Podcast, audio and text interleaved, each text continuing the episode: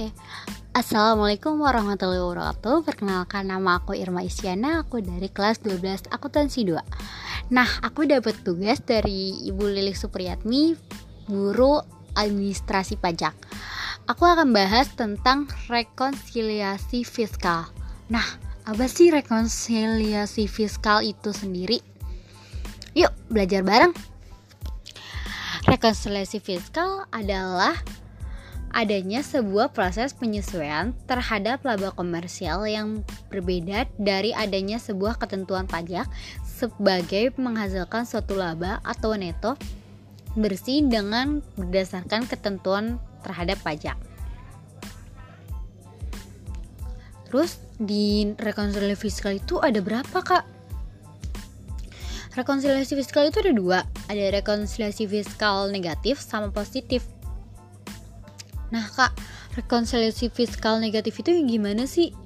Rekonsiliasi fiskal negatif itu koreksi anggaran negatif merupakan adanya sebuah koreksi anggaran yang dapat menghasilkan suatu laba rumah tangga berkurang atau peningkatan kerugian rumah tangga sehingga laba rumah tangga lebih kecil dari laba perdagangan atau kerugian rumah tangga lebih besar dari kerugian perdagangan.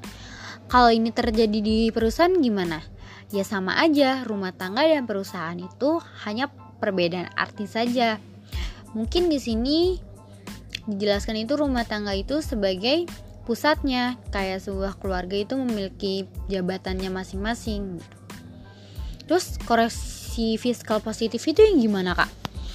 Oh, koreksi fiskal positif itu Koreksi anggaran positif merupakan adanya sebuah koreksi anggaran yang terdapat menghasilkan laba rumah tangga yang lebih tinggi atau kerugian rumah tangga yang lebih kecil hingga laba rumah tangga yakni lebih besar dari perdagangan atau kerugian rumah tangga lebih kecil dari kerugian perdagangan. Adapun dua jenis terhadap rekonsiliasi fiskal pajak dengan berdasarkan perbedaan bidang ekonomi dan pajak. Hah? Kok ada kak? Iya ada Pertama ada perbeda waktu Perbeda waktu dan perbedaan tetap Lah kan apa bedanya kak? Kalau perbeda waktu untuk tujuannya pajak dengan didasarkan pada perbedaan waktu antara sistem akuntansi dan sistem pajak. Dalam hal ini, transaksi setelah akuntansi komersial dan pajak adalah sama. Perbedaannya ialah pada distribusi biaya dan waktu ke waktu. Oh gitu ya kak Iya Terus kalau perbedaan tetap itu yang gimana kak? Perbedaan tetap itu yang perbedaan di komersial berdasarkan transaksi yang diakui wajib pajak sebagai penghasil atau beban sesuai dengan prinsip akuntansi. Perbedaan dalam rekonsiliasi mas masih merupakan perbedaan antara laba kena pajak dan laba sebelum pajak dan transaksi yang tidak secara otomatis dihapus pada periode lain menurut Undang-Undang Perpajakan. Paham gak tentang rekonsiliasi fiskal yang bagian tetap dan waktu?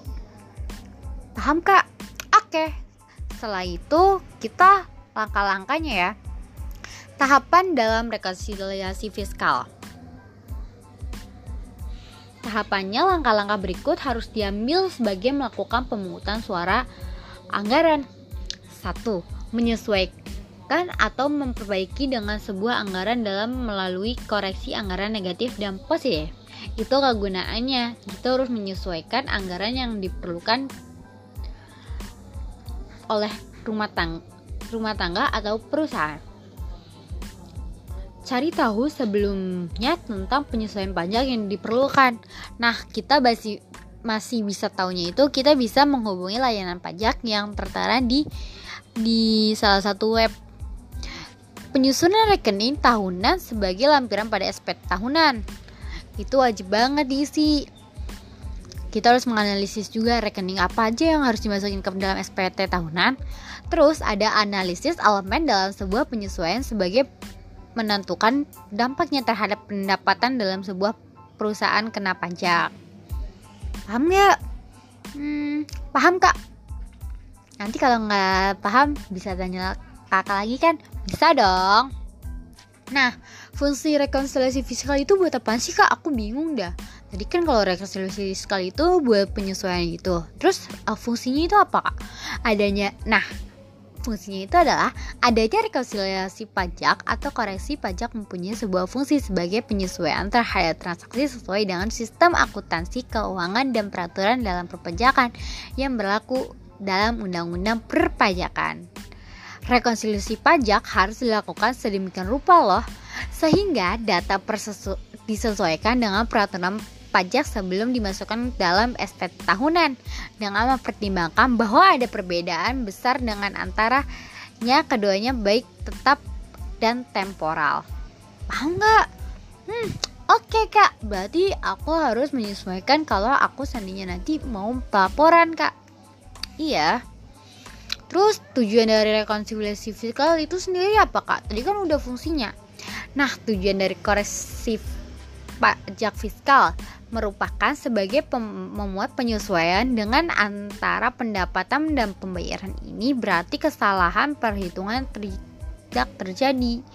Oh, berarti agar nggak terjadi gitu ya kak, nggak terjadi kesalahan dalam pelaporan keuangan gitu ya kak? Iya, jadi kamu harus paham dulu tentang rekonsiliasi fiskal itu gimana sih. Baru nanti kamu bisa menganalisis setiap strukturnya untuk merancang rekonsiliasi fiskal apabila ada tidak kesamaan.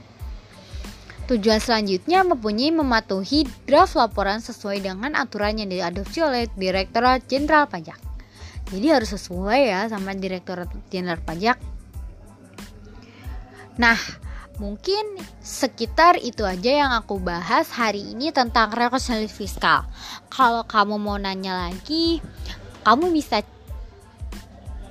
uh, chat aku. Mungkin aku bisa jelasin lebih rinci lagi dan aku kas bisa kasih contoh soal dari rekonsiliasi fiskal. Hmm, hmm, boleh nih kak. Yaudah ya kak, makasih kak Irma udah mau ngajarin aku. See you kak.